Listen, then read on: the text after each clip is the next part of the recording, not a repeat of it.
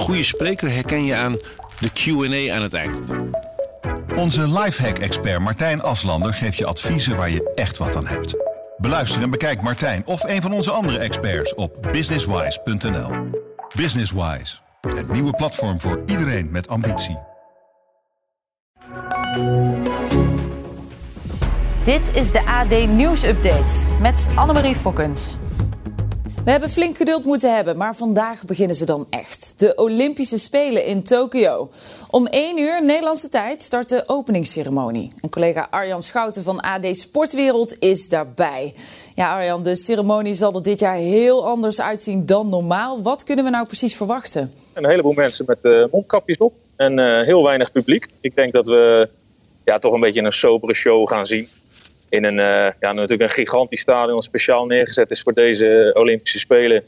Maar waar geen fans in zitten. Dus alleen bobo's, uh, ja, journalisten, media en IOC houten met.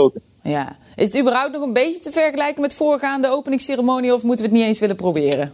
Nou, ik denk dus dat de Japanners er alles aan gelegen is om uh, je op tv zo min mogelijk mee te laten krijgen dat er geen publiek is. Dus dat gaan ze visueel uh, heel leuk uh, om de tuin leiden. Ik denk dat we niet heel veel shots gaan zien van lege tribunestoeltjes. Maar ja, ze zullen er natuurlijk al een hoop geld en voorbereidingen in hebben gestoken. Dus het zal best wel flitsend zijn en visueel een spektakel voor de televisiekijker. Maar ja, het is niet het feest. Uh, ook, om, ook, omdat er natuurlijk veel minder atleten bij zijn. Er lopen ook maar een fractie Nederlandse atleten van normaal mee. En dat doen alle landen. Dat is ook wel te begrijpen, want niemand wil het risico van een positieve test opzoeken. Nee, want ja, daar zitten we natuurlijk al een beetje in. Hè. Twee sporters van Team NL plus een begeleider. Die, da ja, daar zitten spelen er eigenlijk alweer op hè, vanwege die positieve coronatest. Dat is natuurlijk wel de nachtmerrie hè, voor iedere Olympische sporter. Uitvallen nog voordat het is begonnen. Hoe groot zijn nou die zorgen binnen Team NL? Nou, we hebben Pieter van der Hogeband gisteren horen vertellen dat het allemaal meevalt en dat alles onder controle is. Maar neem van mij aan dat die zorgen er echt wel zijn. we hadden gisteren het, uh, ja, nieuws op de site staan dat eigenlijk al die positieve testen in het Nederlandse kamp te herleiden zijn naar één en dezelfde vlucht. Nou zat ik zelf ook op die vlucht, dus ja, ik knijp hem natuurlijk ook een beetje. Nou weet ik wel, we zaten voorin, er zaten wat mensen in de business class. En het is ook totaal niet te garanderen dat alles daar uh, ja, zeg maar, vandaan komt, dat dat de bron is. Maar natuurlijk, sporters krijgen dat ook mee. En mijn collega Rick die sprak gisteren de, ja, de, de, de, de turnzusjes Webers. En ja, die gaven toch hardkondig toe dat ze zich behoorlijk zorgen maken. Nou, ik kan me ook voorstellen. Want hoe vaak worden de sporters nou getest op corona? dagelijks. de, kijk, de, de, journalisten en ja, de, de, de, de, de, tweede schil, zeg maar, die zijn hier gekomen. Die hebben de eerste drie dagen speekseltest gedaan en dan gaan ze roleren in een uh, vierdaagse test. Maar de, de, sporters die worden hier dagelijks onderworpen aan ja, eigenlijk de strengste PCR-test die bestaat. Dat is de, de speekseltest. Ja. En uh, ja, het is elke keer vrezen. Zeg maar. Ja, kan me voorstellen inderdaad. Wat hoor je nou zelf nog terug van die sporters? Hè? Voelen ze zich wel veilig daar? Nou, het is wel leuk. Ik uh, was voor het vrouwenvoetbal in Miyagi, 400 kilometer boven Tokio van de week. En ja, Sarina Wiegman die wilde het hele woord corona niet meer in de mond nemen. Die is er helemaal klaar mee. Uh, je moet je voorstellen, die zitten ver buiten het Olympisch dorp. Die hebben al totaal geen vrijheden. Nou, daar heeft ze genoeg over verteld. Echt in een, uh, een hotel dat meer lijkt op een gevangenis.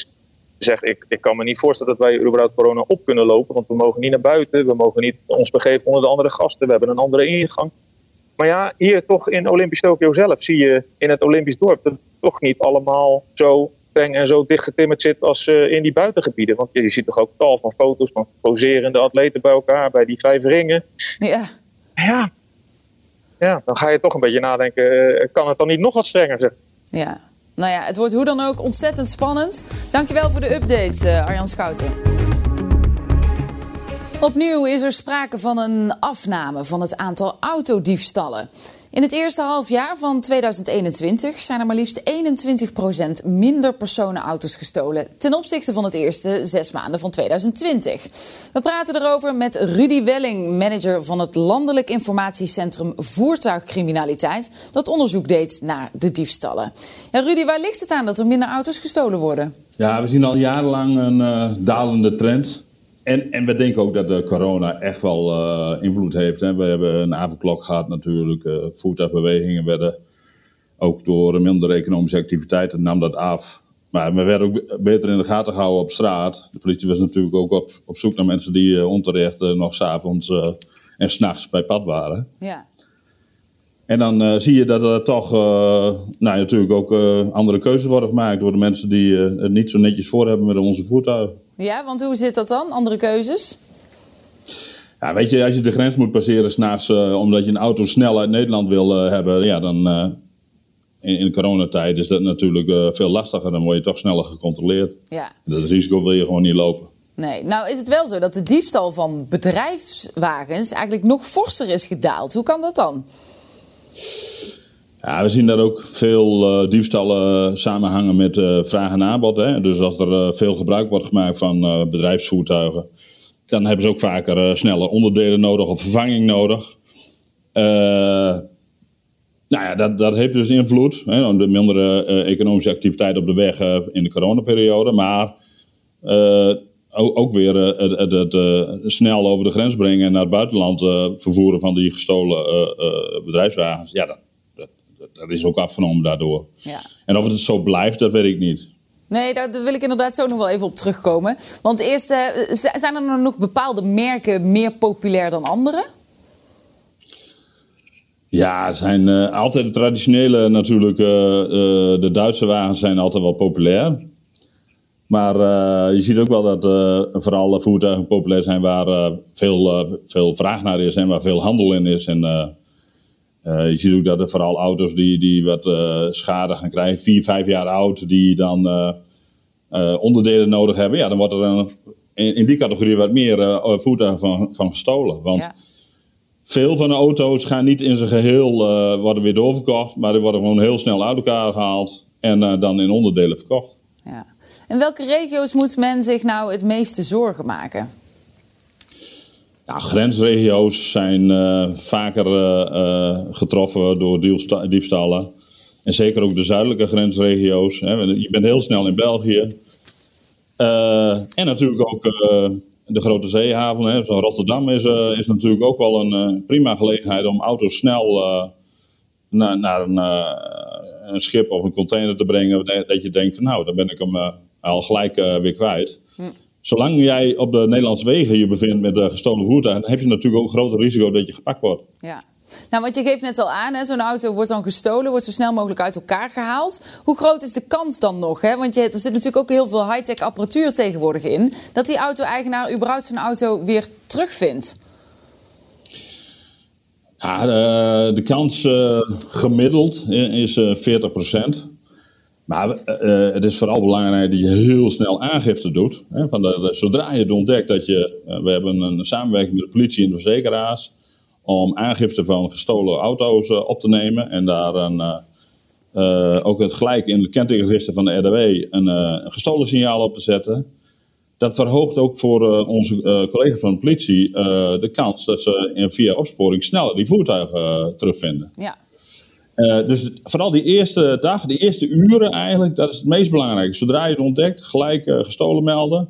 En als het, uh, als het langer duurt, dan zie je na, na een week, ja, dan, dan is de kans echt significant lager om de auto nog weer terug te vinden. Ja. Nou ja, het leven begint weer aardig op te starten, zeg maar. Hè. Wat denk jij? verwacht je dat het aantal autodiefstallen weer gaat toenemen als die pandemie straks voorbij is? Ja, dat, Enerzijds verwacht ik dat wel, maar we hebben natuurlijk die, die jarenlange dalende trend. Dus ik, ik, ik heb eigenlijk stille hoop dat we daar beneden blijven. Maar uh, als we echt minder gaan thuiswerken en, uh, en de bedrijvigheid komt weer volledig uh, op gang, ja, dan denk ik dat er wel meer kans is dat er voertuigen worden gestolen. En nogmaals, ook in, in, in deze tijd, als het weer echt allemaal op gang komt, dan is het voor, voor de dief ook niet meer zo'n uh, uh, grote kans dat hij s'nachts gepakt wordt. Want dat is weer vrij normaal dat we allemaal op de weg zijn. Na de enorme wateroverlast in Limburg start Natuurmonumenten met een opruimactie. Om alle rotzooi die achtergebleven is weg te kunnen halen, zijn er vrijwilligers nodig. Bijvoorbeeld aankomende maandag in het zuiden van de provincie langs de Geleenbeek. Nico Altena is boswachter in uh, Zuid-Nederland bij natuurmonumenten. Ja, Nico, de oevers van de Maas en de Limburgse beken die liggen vol met rommel. Hoe groot is die puinhoop nou?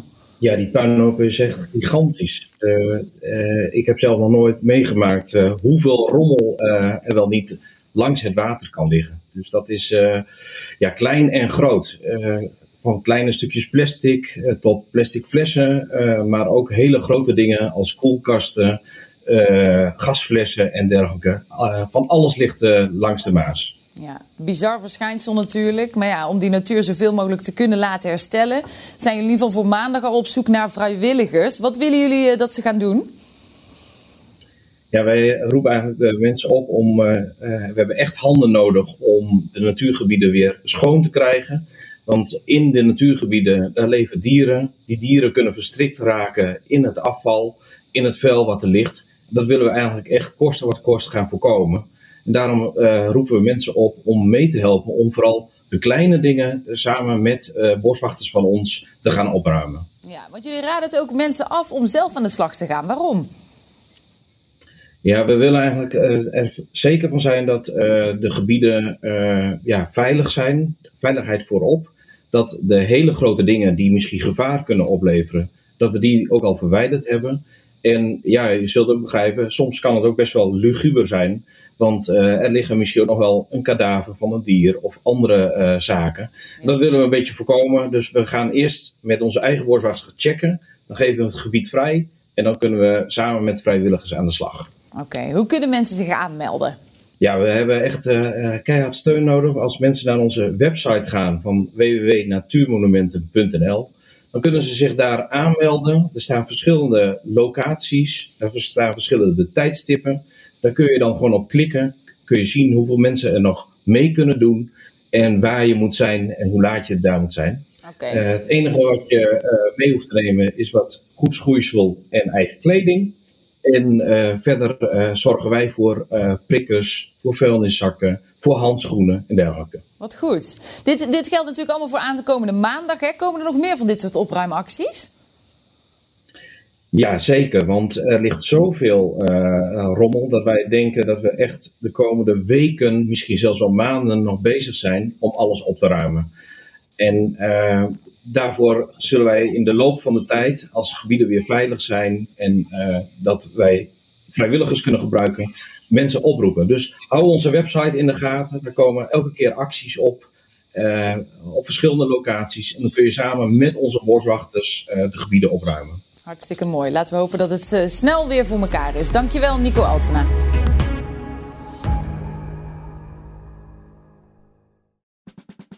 Luister ook naar onze podcast Politiek Dichtbij. In een half uur praten we hierbij over de stand van zaken op het Binnenhof. En niet alleen vanuit de wandelgangen in Den Haag, maar ook vanuit een regionaal perspectief. We zijn te vinden in onze app, op Apple Podcast en op Spotify. En wie zijn wij dan? Wij zijn Leonard Beekman en Tobias den Hartog.